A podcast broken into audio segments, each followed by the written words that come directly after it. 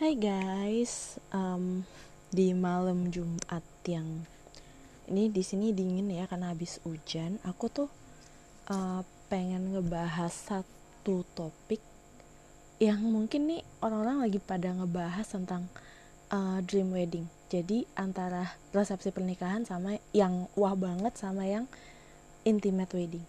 Nah banyak yang bilang, Kadin sebenarnya pengennya seperti apa?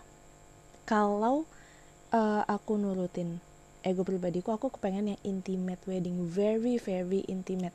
Karena gini loh hemat budget yang jelas saya hemat budget. Karena gini kalau untuk yang wedding party yang segede-gede apaan tahu itu ya kan harus sewa gedung. Ya nggak sih? Minimal lu sewa gedung deh udah berapa itu? Terus uh, undangannya mau berapa orang belum lagi kalau satu undangan itu bisa more than two person. Bisa lebih dari dua orang tentar yang datang. Ya nggak sih? Dan nggak semua orang tuh yang datang di undangannya kamu di weddingnya kamu tuh kamu kenal. Aku mikir ada benernya juga. Apalagi uh, pada saat idola aku juga mengutarakan hal yang sama gitu kan uh, sebut ya sebut ya. Uh, Mas Dikta juga mengutarakan hal yang sama padahal dia cowok emang masih single tapi udah mapan banget masya Allah gitu kan. Tapi pola pikirnya masih seperti uh, pola pikirnya seperti itu. Dia di antara selebriti lain yang uh, mungkin nikahannya ada yang harus di live di berapa stasiun TV dia lebih milih enggak gitu.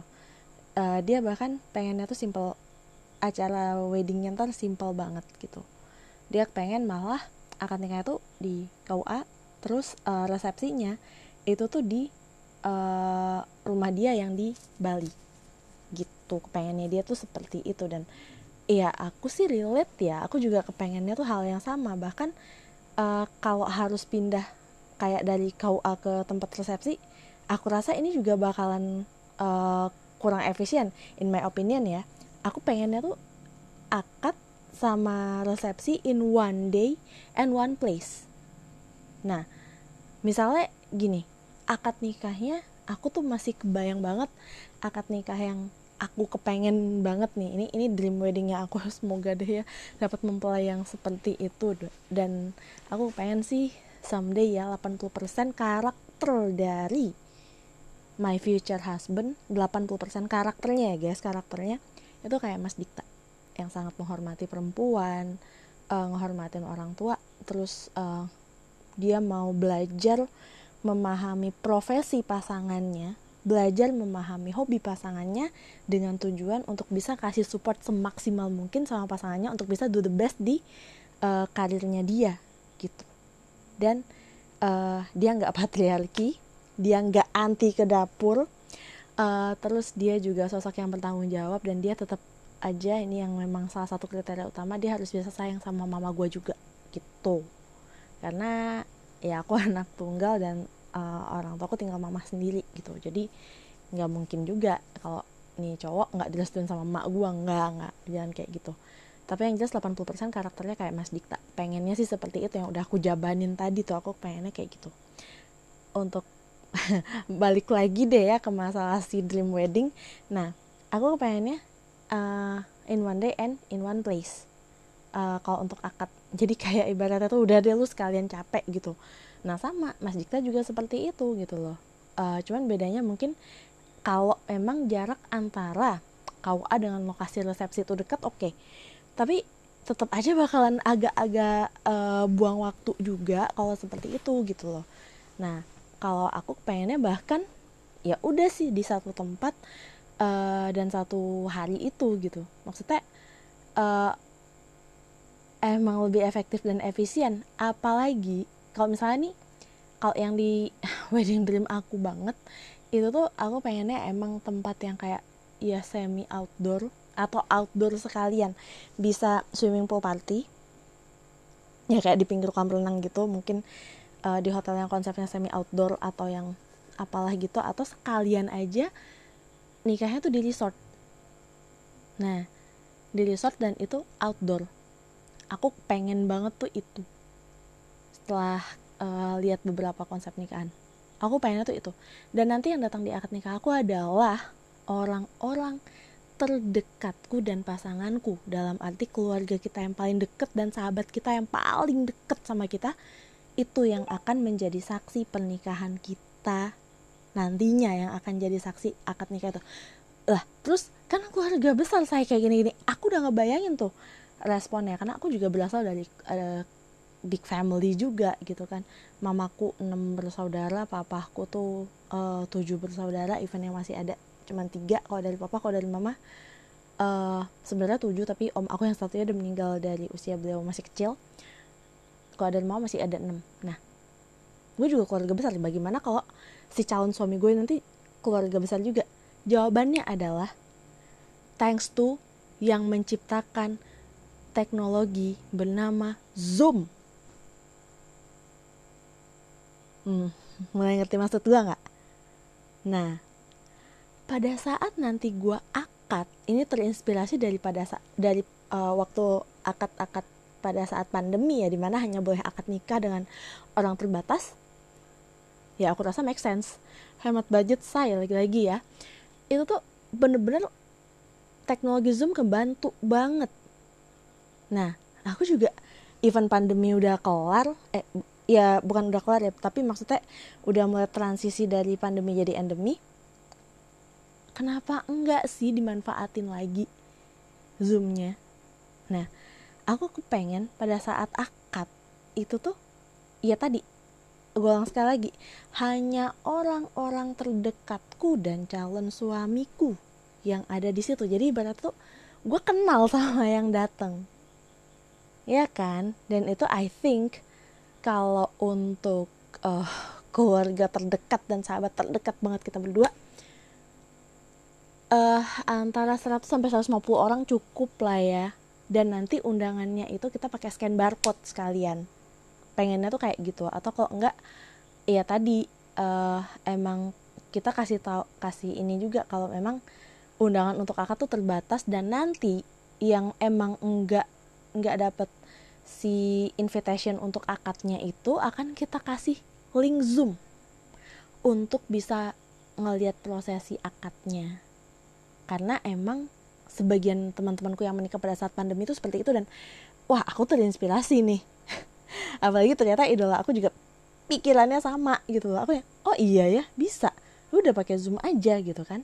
Why not? Jadi maksudnya tuh yang datang pada saat akad ya emang bener-bener orang yang orang yang kita kenal banget yang emang deket banget sama kita kayak sahabat paling deket kayak keluarga yang paling deket yang paling sayang sama kita itu yang kita jadiin prioritas untuk datang pada saat kita melangsungkan prosesi akad nikah karena yang paling sakralnya itu akad cuy.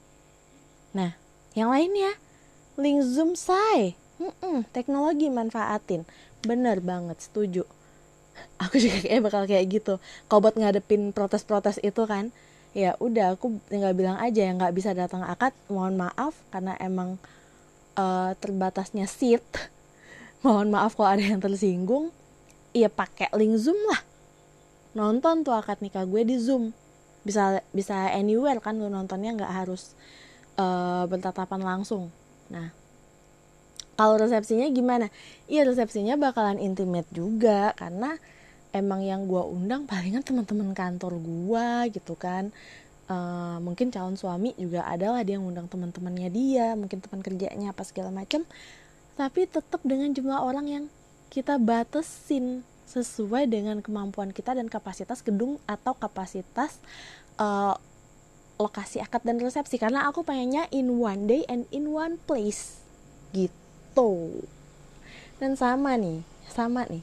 Misalnya gini loh guys. Cowok semapan Mas Dikta aja pemikirannya tuh seperti itu ya. Ibaratnya dia tuh uh, spend uangnya untuk perluannya dia. Misalnya dia mau beli mobil ratusan juta udah tinggal keluarin uang apa segala macam tapi dia masih punya pemikiran seperti itu cuman ya ada juga yang ya kan uh, mau memuliakan perempuan apa segala macam nah ini quotesnya Mas Dikta adalah kalau dia memuliakan perempuan tidak hanya di satu hari pada saat akad nikah itu, tetapi dia pengen memuliakan perempuan yang dia cintai seumur hidup.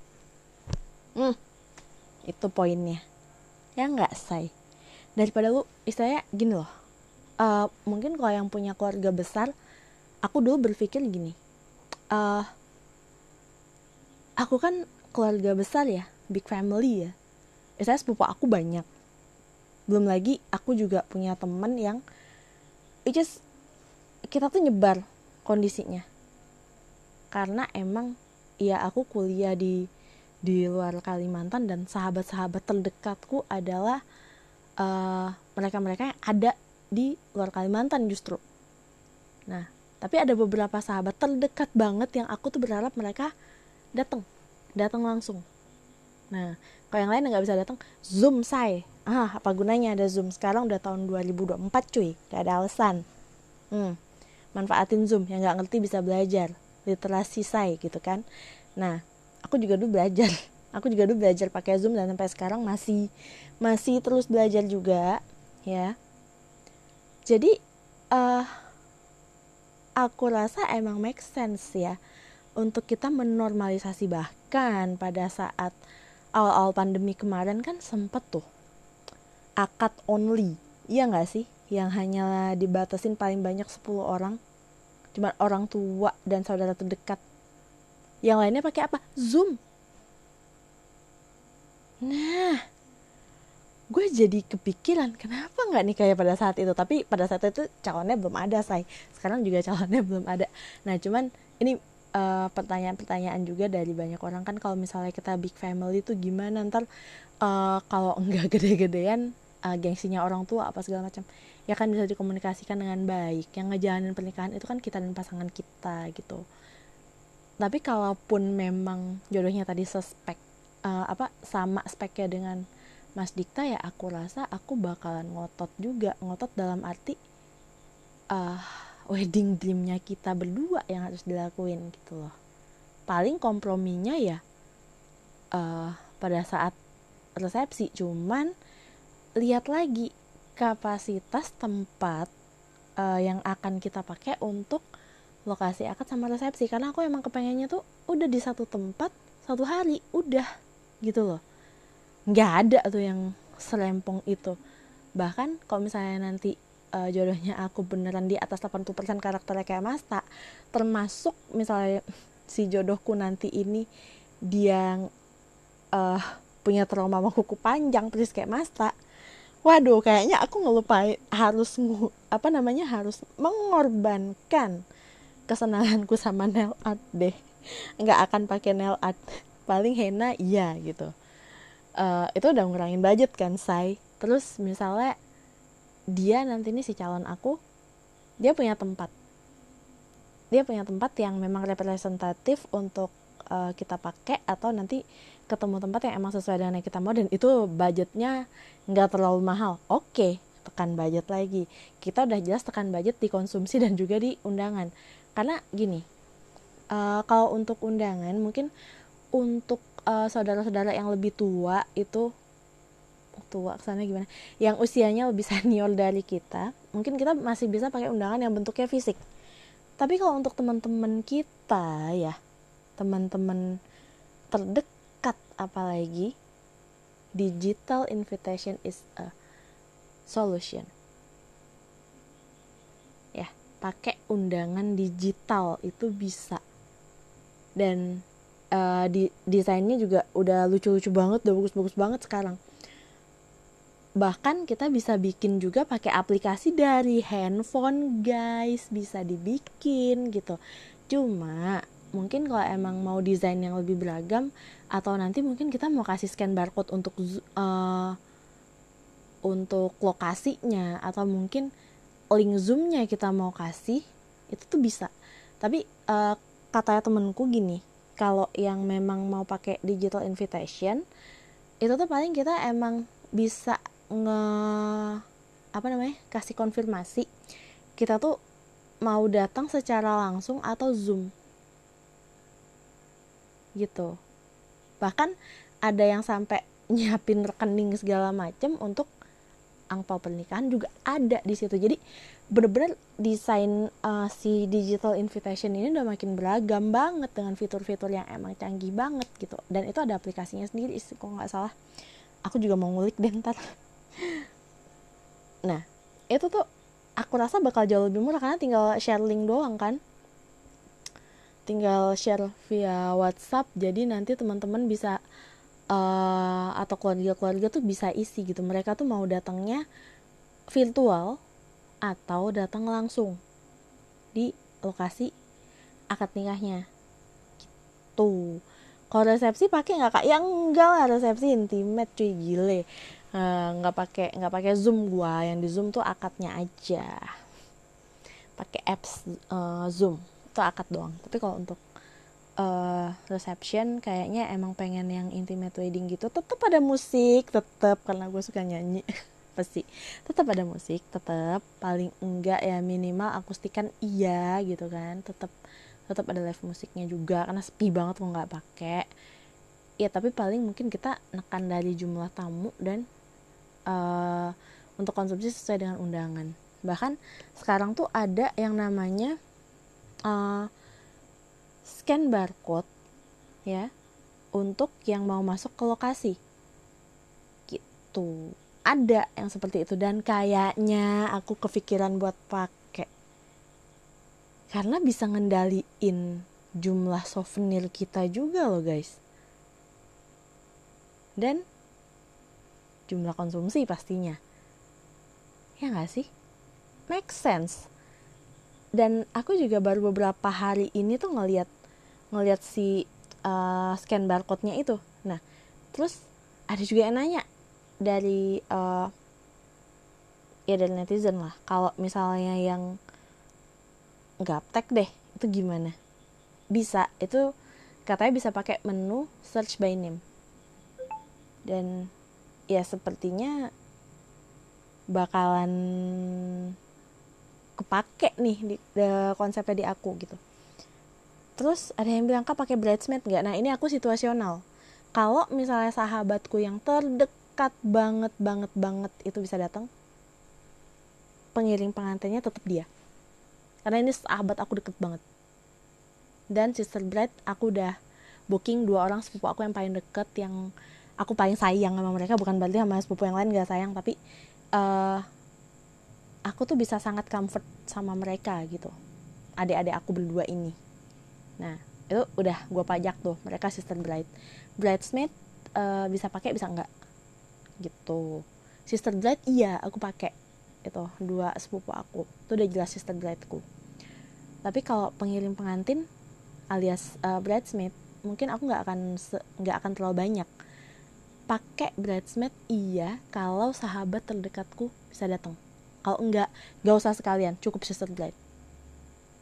Nah seperti itu tuh kalau sepupu-sepupu aku tuh ntar mau pakai seragaman apa segala macam atau dari pihak suami mau pakai yang kayak gitu ya oke okay, gitu. Cuman tetap base konsepnya adalah akad sama resepsi in one day and in one location. Jadi istilahnya tuh enggak nggak makan waktu terlalu banyak untuk kita sekedar apa pindah lokasi. Nggak make sense guys. Kalau buat aku gitu kan mending diadain di uh, satu resort gitu akad abis itu ya mungkin kalau mau lu mau ganti baju segala macam untuk ke reception boleh. Tapi aku uh, wedding receptionnya juga mungkin nggak akan nggak akan lama-lama juga karena pegel cuy. Pasti di atas apalagi kok nemu suami yang karakternya beneran mirip sama Masta yang nggak betah di pelaminan tuh iya dan aku kepengennya nanti emang suasana nikahan aku tuh bukan suasana nikahan yang kayak aduh gue sama suami cuma berdiri di ayah nggak deh nggak nggak kita mau sekalian apa namanya sekalian mobile ke tamu-tamu. That's why aku kepengen pada saat nanti aku nikah tamu-tamu yang datang adalah tamu-tamu yang kenal sama aku kenal sama suamiku. Gitu. Jadi bisa lebih enak gitu kan? Bisa lebih acara itu bisa lebih seru pada saat resepsi nantinya gitu. Karena orang-orang yang datang tuh ya yang kita kenal yang emang akrab sama kita yang emang uh, baik hati tidak sombong dan gemar menabung gitu ibaratnya. Yang emang kita tuh uh, sedekat itu sama mereka gitu. Jadi acaranya nggak nggak mau yang kaku banget. Bahkan pelaminan pun akan dibikin sesimpel mungkin. Dan kita emang nanti tuh mobile gitu ke tamu-tamu kayak jalan apa segala macam. Menerima ucapan langsung dari mereka. Nah aku udah kepikiran bahkan untuk uh, gaun pengantin aku nggak mau terlalu ribet nantinya karena biar memudahkan aku untuk mobile ketemu sama teman-teman aku sahabat-sahabatku kayak gitu-gitu. Bahkan aku kepikiran nih waktu di weddingnya abang aku dan mbakku itu kan di pantai dan semua tamu terutama semua tamu perempuan disarankan untuk untuk tidak memakai high heels termasuk lah mbak aku. Jadi mbak aku tuh pakai sepatu cat warna putih guys. Aku pikir eh ya juga ya. Oke nih idenya gitu kan. Ya terus mbak aku bilang dek emang lebih murah kalau outdoor tahu? Kayak gini kayak gini aku mikir ya juga ya gitu kan. Kayaknya bakalan seru nih. Bakalan seru. Karena emang untuk saat-saat sekarang yang paling aman tuh ya ya ini uh, intimate wedding gitu loh.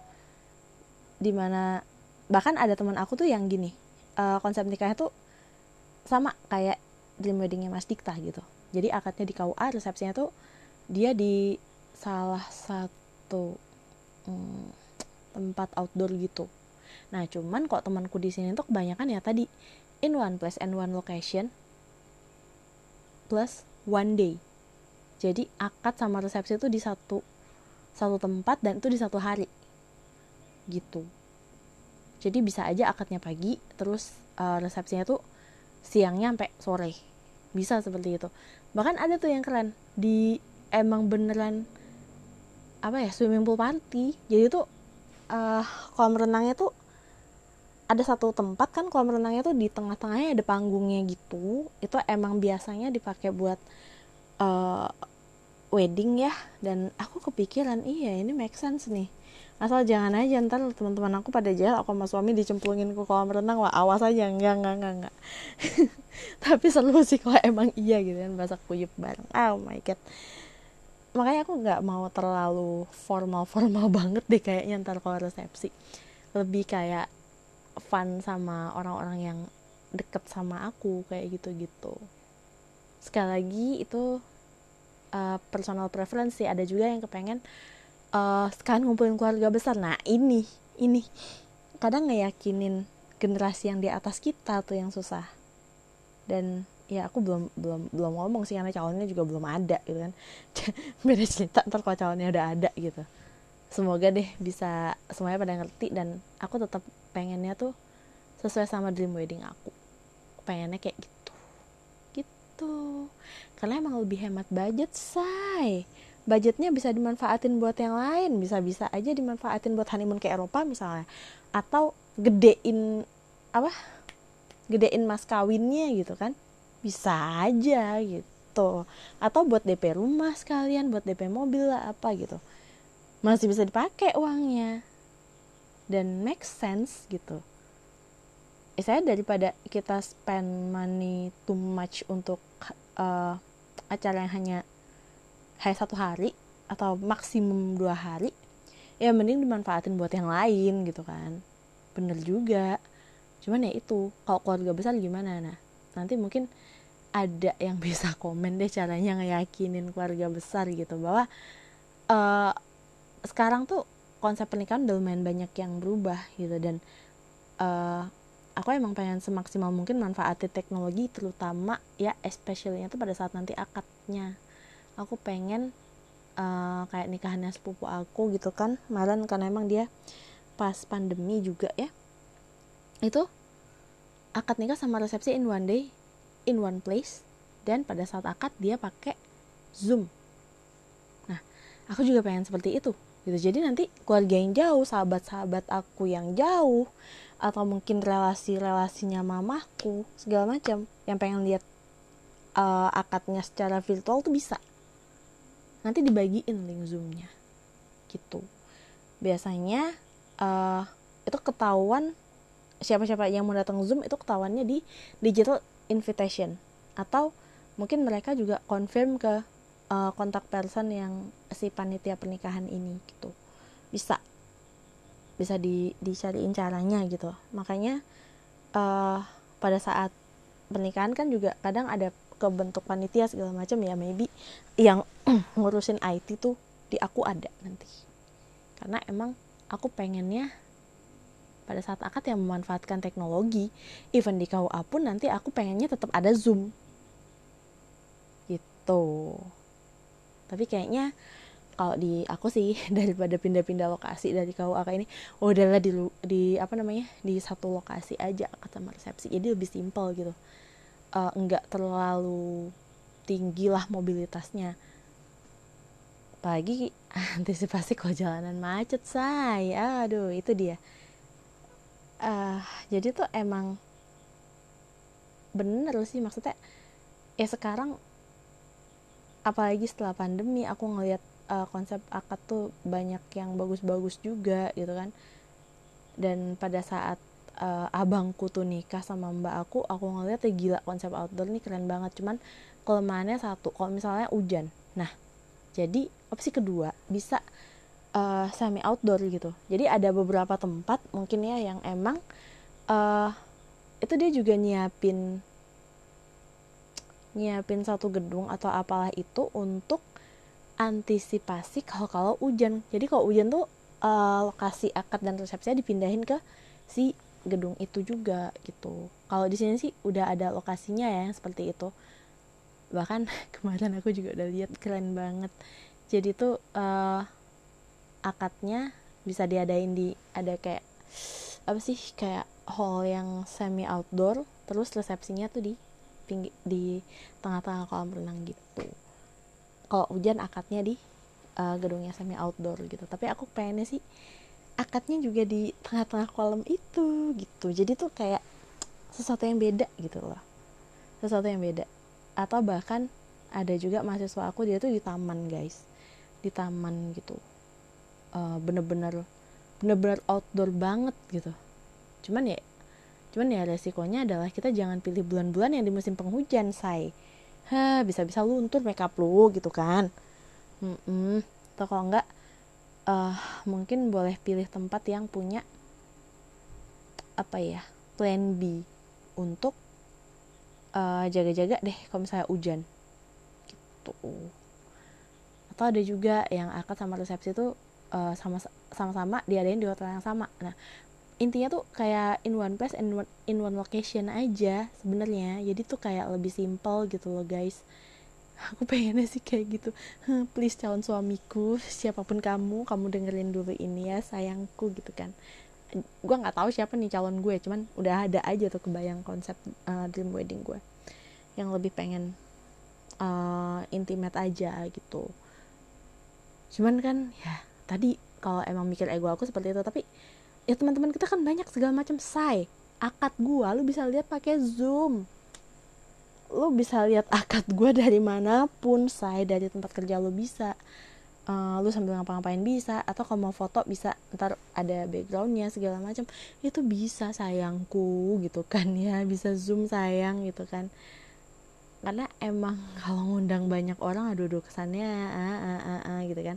Itu paling ntar kalau di resepsi aku cuma ngundang teman-teman kantor aja.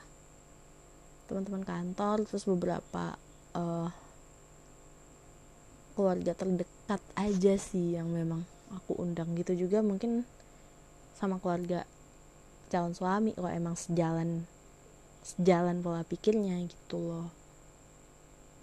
Karena emang tadi itu kriteria calon suamiku 80% tuh sifatnya kayak Mas Dikta yang sangat menghargai perempuan. Ibaratnya dia menempatkan istrinya tuh sebagai partner bukan sebagai bawahannya dia. Itu yang gue kepengen banget karena jujur uh, sekarang tuh kesetaraan gender udah sangat diperhatikan dan aku kepengen laki-laki yang support akan hal itu. Yang bahkan uh, kita berdua tuh nanti bisa saling belajar terkait dengan pekerjaan masing-masing tuh kita saling belajar. Misalnya oh dia tahu aku tuh uh, tenaga promkes promkes tuh ngapain aja gitu. Atau misalnya dia profesinya apa musisi gitu kan. Oh iya aku tahu kerjanya dia kayak gini gini, gini, gini. oke okay, gitu. Jadi dua-duanya udah saling tahu kerjaannya masing-masing iya tetap bisa saling support gitu. Uh, syukur-syukur nih aku sama suami nanti hobi nyanyinya tuh sama gitu. Jadi lumayan guys. Kagak perlu lu sewa wedding singer pengantinnya nyanyi uh, sambil ngucapin apa sambil terima ucapan selamat gitu kita sambil nyanyi tuh. Lumayan. Uh, uh, lumayan say gitu kan. Bisa-bisa aja. Karena kepengennya emang nanti konsepnya pelaminannya tuh as simple as we can do aja gitu. Simple banget. Sehingga kami nanti tuh bisa mobile ke keluarga atau segala macam yang datang gitu. Terus uh, kalaupun misalnya ada first dance atau nanti lepas balon atau apa ya itu itu acara untuk having fun kita dengan orang-orang terdekat aja pada saat resepsi. Dan itulah yang bikin acara justru malah makin intimate karena orang-orang itu yang kita tahu semua dan kita bisa pastiin mereka tuh enjoy mereka happy. Gitu. Nah itu sih yang aku emang pengen banget terus gimana dong sama saudara-saudara apa segala macam kak Din? Ya kalau buat yang nggak keundang sorry ya gitu kan. Kan ada zoom say akadnya tuh bisa kamu liatin di zoom kayak gitu. Bisa. Jadi tetap uh, nggak ngurangin kesakralan si akad nikahnya ini karena pernikahan yang penting kan akadnya. Kalau resepsi kan aku memang kepengennya emang yang simple sih yang emang intimate banget gitu